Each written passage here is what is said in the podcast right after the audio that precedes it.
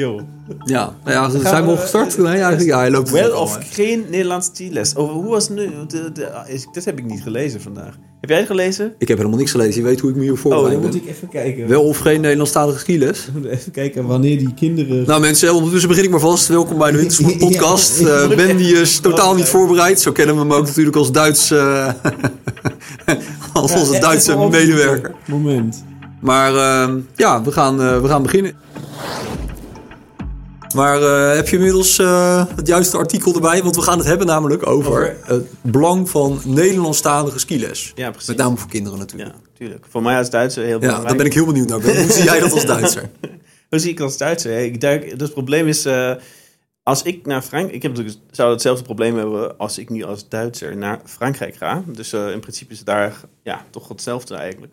Want Ja. ja, eh, geen Frans, niemand praat Frans. Dus dan hebben ze daar alleen maar... Niemand praat Duits. Ze spraken juist heel veel Frans. Als jij, naar, als jij naar Frankrijk op vakantie gaat, dan heb je te maken met Franstalige leraar. Niemand in Duitsland praat Frans. Ja, maar niemand in Frankrijk praat Duits. Ja, Ja. dat zou dan wel een beetje het zijn. Zo zou het dan best een beetje zijn, denk ik. Ja. Ja. Dus eh, ja, als je daar komt, dan heb je hetzelfde probleem of, of dezelfde idee misschien dan de Nederlandse ouders. Maar ja, het is algemeen zo dat Nederlandse ouders meer er naartoe trekken Mm. eh, om eh, kinderen op Nederlandstalige skiles te sturen.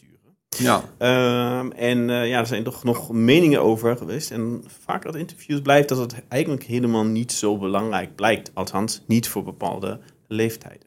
Nee. Nee, daar ben ik het volledig mee eens. Ik, ik zat juist in de, ehm, in de situatie waarin het precies andersom was. Ik was namelijk de Nederlandse skileraar en ik kreeg Duitsstalige kinderen. Ja, en? Dus, nou ja, kijk, wat er dus gebeurt, is dat eh, die kids geen enkel probleem. Ik spreek een redelijk Ja. woordje Duits, zeker het skileraar Duits. En Ja. zeker met kinderen van 4 à 5 jaar kan ik gewoon op mijn niveau gewoon communiceren. Daar heb ik echt geen enkele moeite mee. Maar wat er dus gebeurt, is dat die kinderen vinden het allemaal geen enkel probleem, fantastisch, eh, prima. Alleen de ouders Ja, zien het als een probleem. Maar goed, dat is dan ook wel na een dag is dat ook meteen weer weg. Want dan hebben die kids het hartstikke naar hun zin gehad. En die komen lachend terug. En dan maakt het niks meer uit of je nou een Nederlander bent of wat voor nationaliteit je dan ook hebt. En zeker bij kleine kinderen, weet je, daar die leg je toch niks uit. Weet je, ik, mijn kids die waren dan vaak tot een jaar of acht. En dan kan je wel zeggen van ja, je moet je knie misschien wat meer buigen. Of je moet je, je, je, je heup wel iets meer dat, dat, ja, weet je, dat gaat daarin en meteen weer eruit, want ze horen toch niet wat je zegt. Ja ze, gaan toch, ze, ze kijken gewoon hoe anderen het doen of hoe jij het doet. En dan Exact. naskiën en dan... eh, ja, dat is precies wat er gebeurt. ze, ze, ze kopiëren. Ze, Ja. doen precies zeg maar, wat jij ook doet. Dus op het moment dat jij een bepaalde oefening voordoet, dan proberen ze dat weet je, op, een, op diezelfde manier na te doen. En dat is, dus, heeft dus niks te maken met taal. Het heeft niks te maken met, eh, nou ja, met of je elkaar begrijpt. Nee, het is alleen maar door, gewoon door kopiëren, door het zien van dat gedrag. Maar heb je dan echt, echt serieus ook problemen gehad met, met ouders? Nee, problemen niet. Problemen niet. Ja, alleen, want ouders eh, zou best wel kunnen. Ik Nee, maar je merkt- je merkt toch als die, voorstellen die zeggen, ik heb dit geboekt, ik wil een Duitsstalige en dit is Oh, dus die zullen er ongetwijfeld ook zijn. Maar ik had dus bijvoorbeeld, nou, dan kwamen ze hun kinderen brengen. En dan eh, stelde je je voor. En dan, eh, nou ja, oh, een, een Hollander, weet je. Dan merk je meteen al van, Oh, ja. oh, en de manier waarop ze dat dan zeggen. Dat ik van, oh, oké, weet je, het is een Nederlander. Even kijken hoe dit gaat uitpakken. Maar ja, uiteindelijk, weet je, ja, maakte het niks uit. Want die kids, die eh, hadden het gewoon naar hun zin. Dus dan is het ook goed, weet je. Ik heb, ik heb nooit klagende ouders verder gehad. Maar ik weet wel dat het af en toe een ding was bij de skischool. Ja. Weet je, dat mensen daar echt specifiek om, om vroegen. En ik kan me wel voorstellen dat naarmate je wat ouder bent ehm, en dan nog les wil, dat het prettig is om in ieder geval de persoon die je les geeft, dat, dat je begrijpt wat hij bedoelt. Hè? Want dan Ja. is het wel veel meer van, hey, weet je, nu je knie wat meer naar binnen. Of Primair over de inhoud, maar veel over techniek. En als Ja. het over techniek gaat, ja, dan moeten toch bepaalde uitdrukken... Ja, neem je toch bepaalde uitdrukkingen in de mond waar Ja. je zegt, oké, eh, ja, doe nu iets speciaals. En dan moet er, daar moet, daar moet een goede uitleg zijn en de kinderen Ja. moeten het begrijpen. Want anders, ja, dan nadoen is eh, ja, een beetje moeilijker. Precies, en het is wel handig natuurlijk als je met die kids een beetje kan communiceren. Hè? Want er is wel wat aan de hand. Of eh, weet je, de een heeft het koud, dan is er weer een handschoen uit. En of, weet je, dus het is wel gewoon, je moet wel in de basis ja, gewoon een goed ge- een, gesprekje met ze kunnen voeren. Omdat je, ja, je moet voor ze zorgen ja, die- gedurende zo'n dag. Ehm, maar ja, dat is, dat, dat is dan, als dat eenmaal goed gaat, niks aan de hand. En het is ook zo, weet je, ik had dan iedere dag hadden we wel een thema. Weet je, we waren Ik, ik liet de hele dierentuin altijd langskomen. Want dan eh, de ene dag waren wij de leeuwen. En dan moesten ze dat allemaal. En dat is wel handig als je dan dat in de taal van die kids zegt. Ja. Weet je, dan begrijpen ze het ook. En dat is dan een extra element voor ze. Waardoor zo'n dag dan weer leuker wordt. Of je hangt dan niet een bepaalde actie eraan dat je daar leeuwen zijn. Ja. Dan moet je Ja, bepaalde oefeningen. precies. Precies. En eh, gewoon voor het groepsgevoel van... Weet je, eh, af en toe even schreeuwen als leeuwen over die piste. En dat ja, vinden ze natuurlijk allemaal prachtig. Want ja, als je als kind gezegd van je mag nu hard gillen. Dat vinden ze allemaal, allemaal fantastisch. Maar, maar hoe moet ik me voorstellen? Ik bedoel, ik kan me voorstellen kleinere kinderen en dan gaan ze, ja, gaan ze janken omdat het koud is, omdat ze koude voeten hebben of wat dan ook. Ja. En eh, ja, en dan kan je hun eigenlijk niet, ja, je kan niet echt eh, tegen die kinderen zeggen, ja, ehm, doe nu even dit of doe nu even dat. Nee, maar je moet het voor zijn. Hè? Dus op het moment dat je een, een dag hebt waarop het gigantisch sneeuwt of het ijzig koud is, ja, dan moet je gewoon om de afdaling even naar binnen. Even in zo'n warme, warme hut. Ga je gewoon even met ze zitten. Je doet een of ander spelletje of je vertelt een verhaal. Of weet je, ik had altijd een zak van, eh, van die kleine snoepjes had ik altijd bij me als er dan weer wat aan de hand was. Weet je, een snoepje erin. Dan 9 Ja. van 10 keer loste dat het ook wel op. Weet je, je moet daar, en dat leer, dat leer je vanzelf als je met zo'n groep kids bezig bent. Van ja, natuurlijk, eh, je moet voorkomen dat je in een situatie komt dat in één keer acht van die kinderen koude tenen hebben. Ja. Ja, dan ben je gewoon te laat naar binnen gegaan. En, en eh, had je zelf situaties waar je dacht, oké, nou, dat had ik eigenlijk eh, liever anders gehad, zeg maar, eh qua taal? Die niet Qua taal? Ja, dus je gewoon Totaal niet. helemaal geen probleem. Nee. Oké, ja, ik, ik denk ook dat, en, en dat is terecht ook die discussie die er was, ehm, dat eh, het meer omgaat hoe goed is een leraar en hoe goed kan Tuurlijk. hij dit oplossen Tuurlijk. en hoe goed gaat hij met kinderen om. Ik bedoel, wij weten allemaal, de ene kan het wat beter dan de andere. Yep. De ene heeft wat meer geduld dan de andere en dan pakt het, van, ja, pakt het op- een, een wat betere manier op.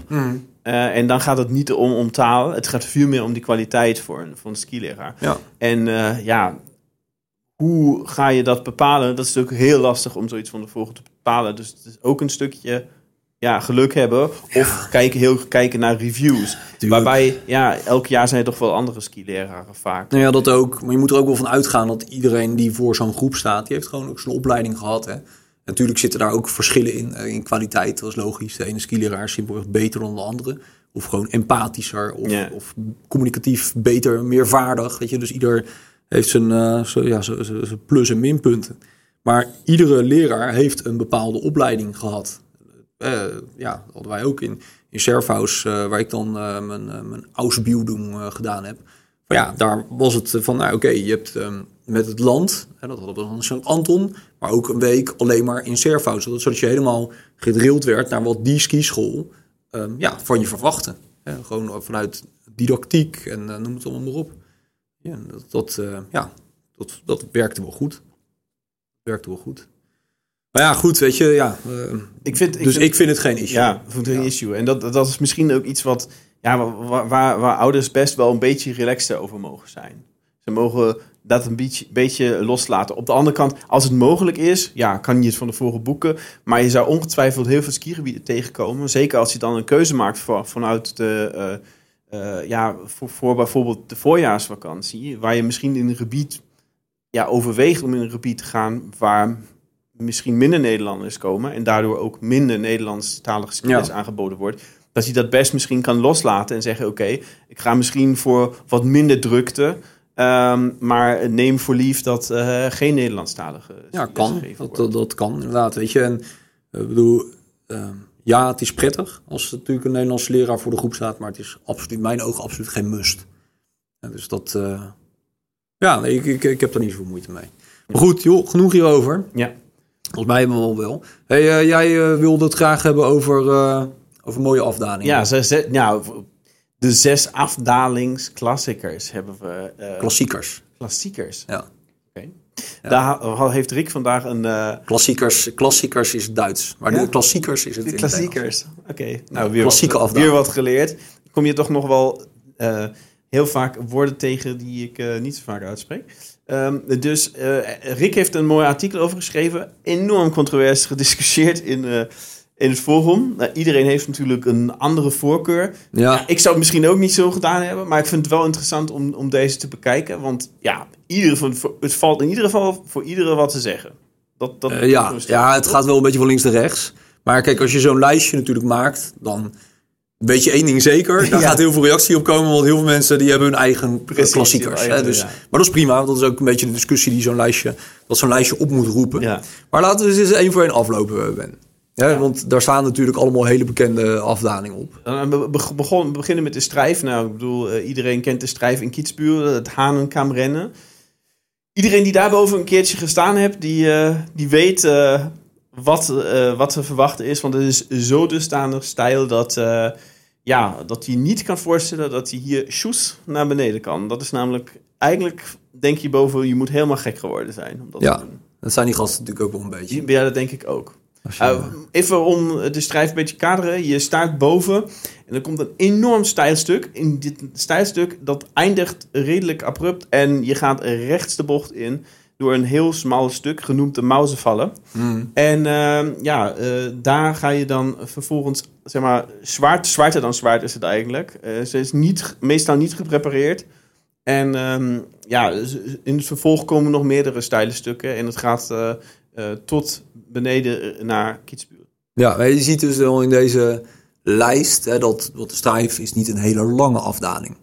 Mm, Kijk, er, ja. zit hier, er zitten hier afdalingen tussen. Serene is geloof ik 16 kilometer. Ja, Weet je, de, de strijf is geen 16 kilometer, maar het is wel een klassieker. Daar zijn we het wel over eens. Ja. En de, de Serene, ja, dat, dat, is, dat is gewoon een, een, een hele lange afdaling. ja dat, eh, het gaat van, een, eh, van de top gaat het door een eh, vallei. eh. Wat eigenlijk, eh, eh, ja, waar, waar, waar je eigenlijk niks tegenkomt. En dat gaat 16 eh, kilometer eh, naar het dal, als ik het. Ja, de Serene is, eh, we hebben het hier over de Serene Tot Alpe d'Huez. Natuurlijk. ja. En dus, die start op de Pic Blanc. Dus je start op 3330 meter.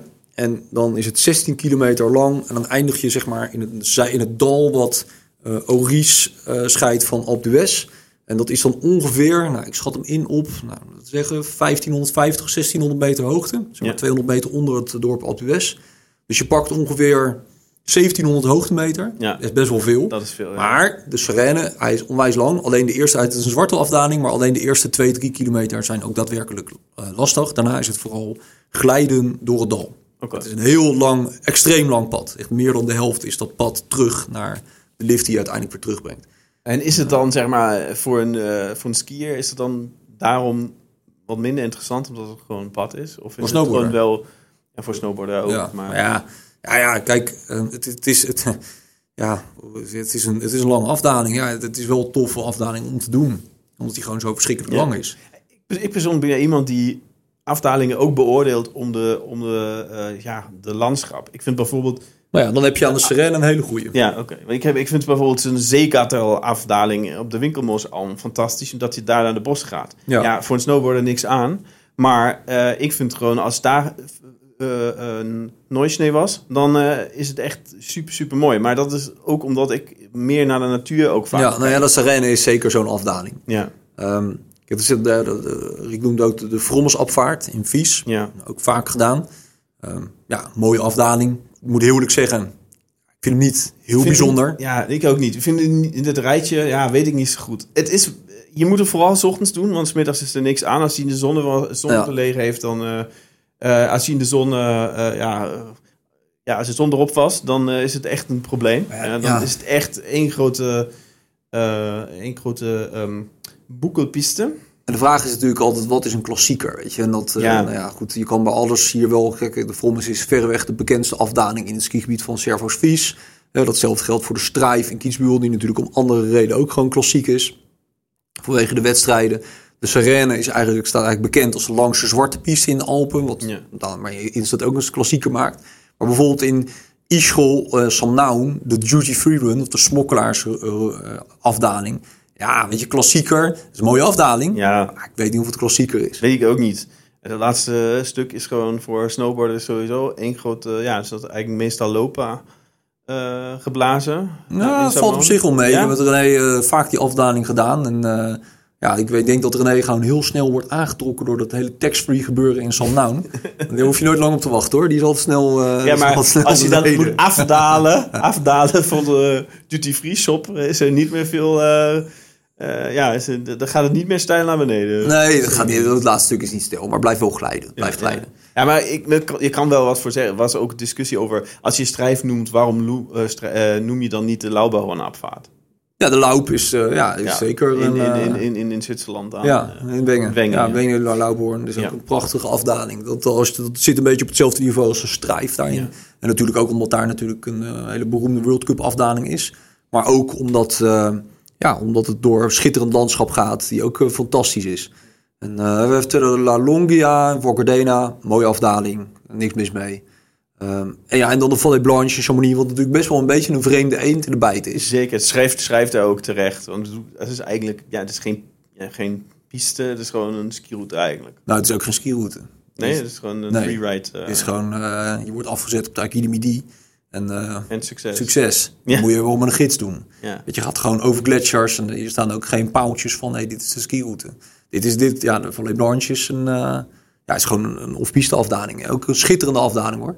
Maar eh, wel een afdaling ja, die, die, die je met een gids moet, moet doen, of bij die andere niet. Hé, hey, maar eh, wat, is jouw, ben, eh, wat is jouw klassieker, klassieke Ja. afdaling in de Alpen? Nou, ik, ik vind die strijf zeker wat, wat voor te zeggen. Want ja, het is gewoon... Ja, als ik, als ik aan de Alpen denk, en dan denk ik heel snel aan, aan Hanekam rennen. Dus dat vind ik wel. Ik kijk meer naar natuurdingen zoals eh, de, de Winkelmoosalm, wat ik, eh, wat ik zei. Dat vind ik een heel mooi. Ik vind ook de, de skiroute eh, van, van Leg naar, naar Zoek vind ik heel mooi. Mhm.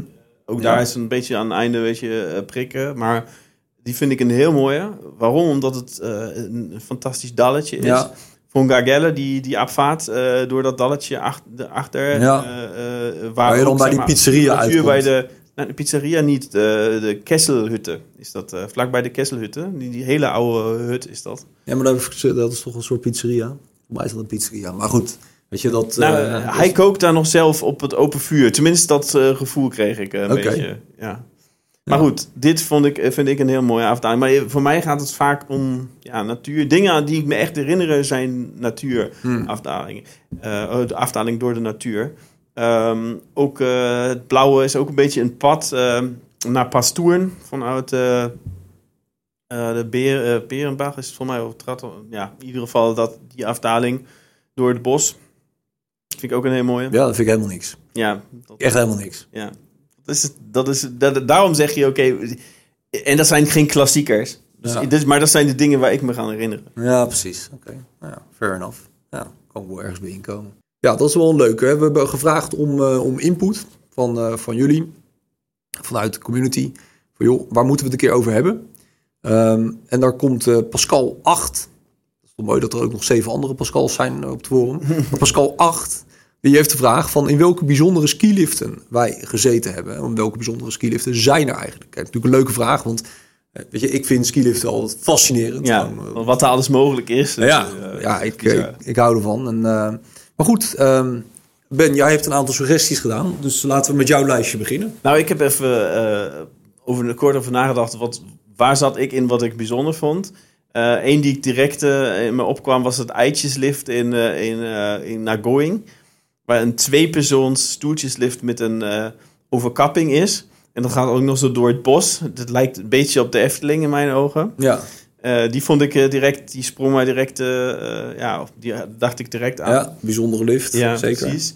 En dan heb je op de Visser Noordzijde heb je een, ehm, een lift wat die, waar je dierengeluiden in hebt. En er wordt zo'n story verteld over dieren. Dat vond ik ook bizar. Blijkbaar zijn dat dieren die daar in het hoogte, in het gebergte leven.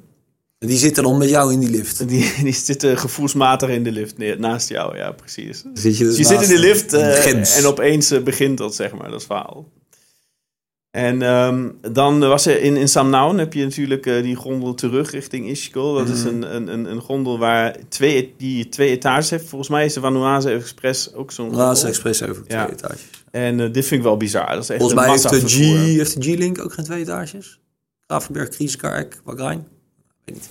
En eh, ja, Arjen, welke, welke liften eh, zou je bij jou uh, direct, ko- komen bij jou direct? Ik heb er heel veel, Ben. Ik heb er heel Ja? veel. Ja, ik heb heel veel bijzondere liften.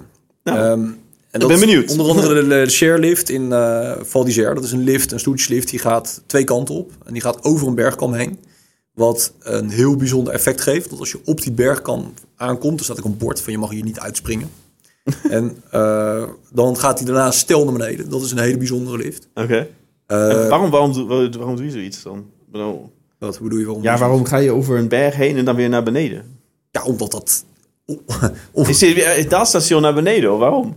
Nou, omdat dat moet. Die, die, de, er zit daar een bergkam. Ja, de andere optie was geweest die berg weg te blazen met dynamiet. Maar daar Oh. hebben ze niet voor gekozen. Ze hebben ervoor gekozen om er een lift overheen te bouwen. Zodat die, dat de Pisayas Gletsjer met het deel van de Oké. wordt verbonden. En dat, dat is ja, een hele bijzondere lift. En je mag er niet uitspringen op de top, omdat dat nog wel eens gebeurt door, eh eh, door freeriders. En dat staat nu tegenwoordig een camera, weet je. Dus dat, dat is niet handig om dat te doen.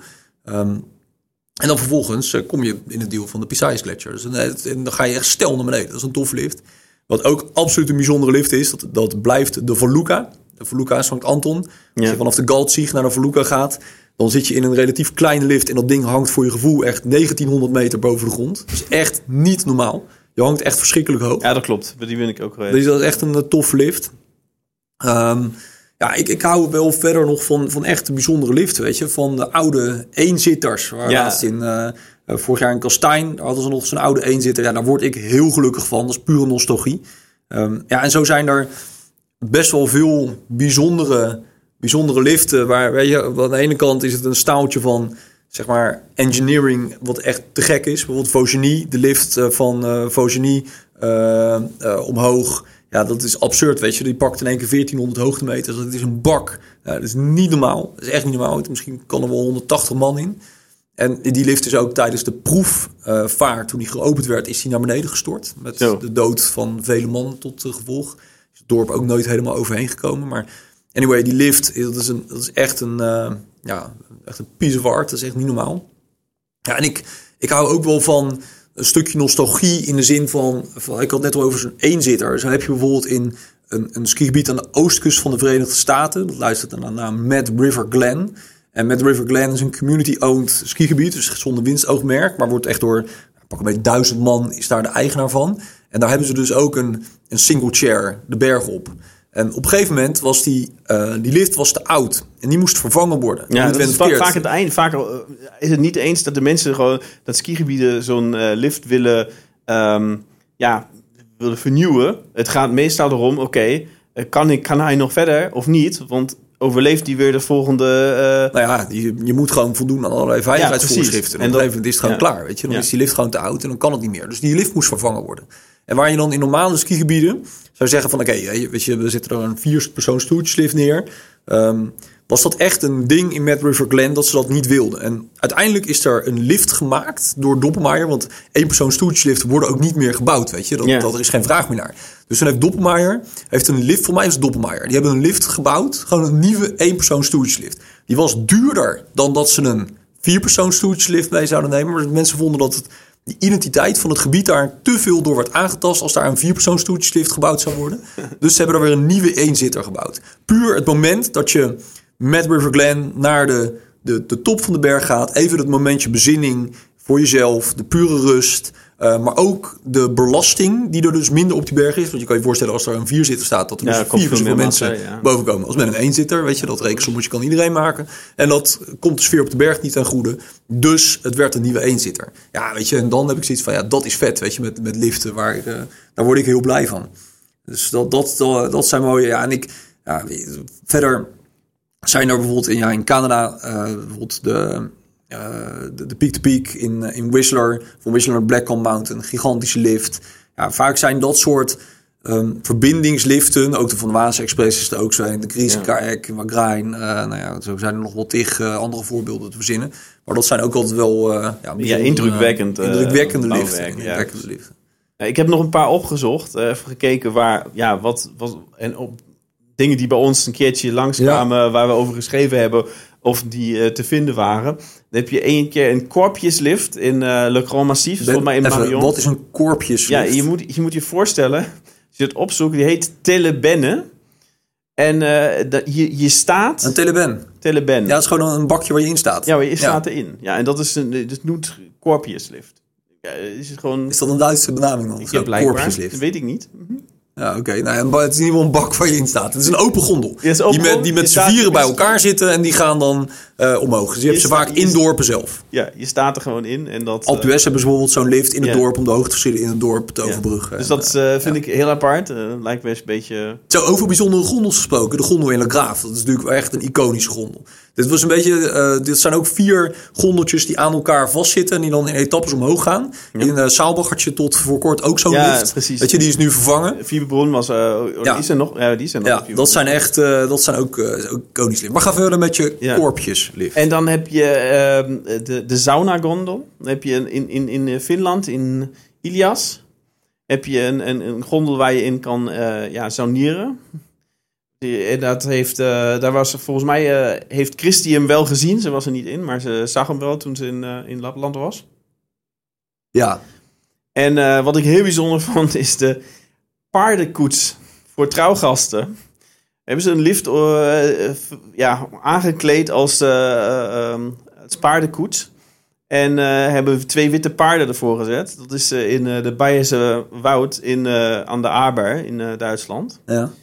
Eh, ziet er heel apart uit. oké. Dus dat, eh, er- vond ik ook bijzonder om te zien. Ja, maar ik moet zeggen dat ik dit soort dingen, dat vind ik allemaal weer een soort van marketing ding. Weet je, sauna gondel. eh, denk ik van ja, dat, dat is leuk. Maar uiteindelijk vind ik, of VIP gondels, dat soort dingen. Daar word ik, ja, daar word ik dan ook niet heel, ja, ik, ik ben daar niet echt van onder de indruk. René, je hebt toch ook bij eh, Kroonplatz, heb je toch ook zo'n, eh, zo'n of bij een Altabadia heb je toch zo'n, eh, zo'n lift ook, die dan met de- een soort paardengondel die je terugbrengt. Ja, ik denk, ja, daar is ook een toffe lift. Ja, en oh ja, dat is ook wel een leuke. We waren twee jaar geleden, denk ik, in Arosa, het Tjoeken Hotel. Vijf Ja, ster hotel ja, precies. Arosa. Daar heb je ook, die, Fantastisch, leuke- waar we uitgenodigd Ja. voor een snowshow. Nou ja, dan, dan weet je dat als ik daar een week zou verblijven, dan zou ik een tweede hypotheek op mijn huis moeten nemen. Maar anyway, die hebben dus een privélift, het skigebied in. Om maar Ja. dat je niet hoeft te luiden. Dat is Dat een soort, ook bizar. Ja, een soort monorail-achtig eh, constructie. Wel, ook wel heel erg. En dan zat je een luxe thuis in die lift. Nou, anyway, als je dat eh, checkt, de snowshow van Arosa, daar staat, komt die uitgebreid eh, naar voren. En ik zag ook, Ben, dat jij ook die, eh, eh, die ondergrondse trein in, eh in Heiligenbloed had opgeschreven. Ja, naar de. Fleisalm. Ja. Dat is ook wel een bijzondere lift. Dat is, dat is niet echt een trein eigenlijk. Het is een ondergrondse gondel. Wat ik me kan herinneren. Ik heb er wel eens ingezeten, maar dat is nou, Ja, er echt staat heel er een terug. Echt een jaar 63, of- ho- maar 63 hoogtemeters gaat... eh, Ja, want hij, het is puur een verbindingslift. Ja. Puur een verbindingslift om de natuurlijk, Fleisalm te ontsluiten. Maar ik heb daar denk ik 15 jaar geleden of zo voor het laatst ingezeten. Dat was Ja. ook nog in de tijd dat je in Heiligenbloed nog gewoon één persoons eh stoeltjeslift had... waar je nog een deken kreeg zo, weet je wel. Echt te gek. Maar ja, dat is ook een hele bijzondere lift. Want je stapt, voor- het is een soort, dat is echt, als je het over een soort at- attractiepark ding hebt, dan is die lift misschien wel het grootste exponent ervan. Je stapt in, een, in de berg, in die gondel. En die gondel gaat dan door de berg. Als een soort van Efteling Dark Ride. Weet je, je- het is toch echt niet dat je zeg maar allemaal laven ziet en Ja, allemaal precies, lichteffecten en dat Dat soort dingen. Oostenrijk en Tirol. hebben Ja, nou misschien een idee voor de mensen van. Heineken Bloed om daar wat Ja, meer een experience van te maken. Een soort dark coaster. Maar dat is ook echt een bijzondere lift. Dat is echt een bijzondere lift. Ja. En wat ik ook nog gehoord heb eh, van, van Christy, dat ze in, eh, in de VIP-gondel mochten in, eh, in, in Italië vorig jaar, in de Val Gardena. En eh daar heb je dan een, krijg je een gondel en er staat dan champagne en drank in en Ferrero Rocher en eh, weet ik veel snoepjes. En eh, daar zo mocht je dan naar boven omdat je een VIP bent. Nou, Leuk. Christy en René zijn natuurlijk VIP's. ja. alles is te koop. Ja, precies. Ja, dus als je dat wil, dan kan je dat doen. Nee, ik vind het mooi geweest met die liften. Ik krijg nog wel even een vraag hier van Nelis. Nelis, oude reus. Goeie vraag. Die stelt de vraag: Ik ben wel benieuwd of jullie je voorbereiden om fit aan de wintersport te beginnen. Eh, Nou, ik, Nelis, ik kan hier eh, kort eh, op zijn. Van, ik, ik ben altijd fit. Ik bereid me totaal niet voor.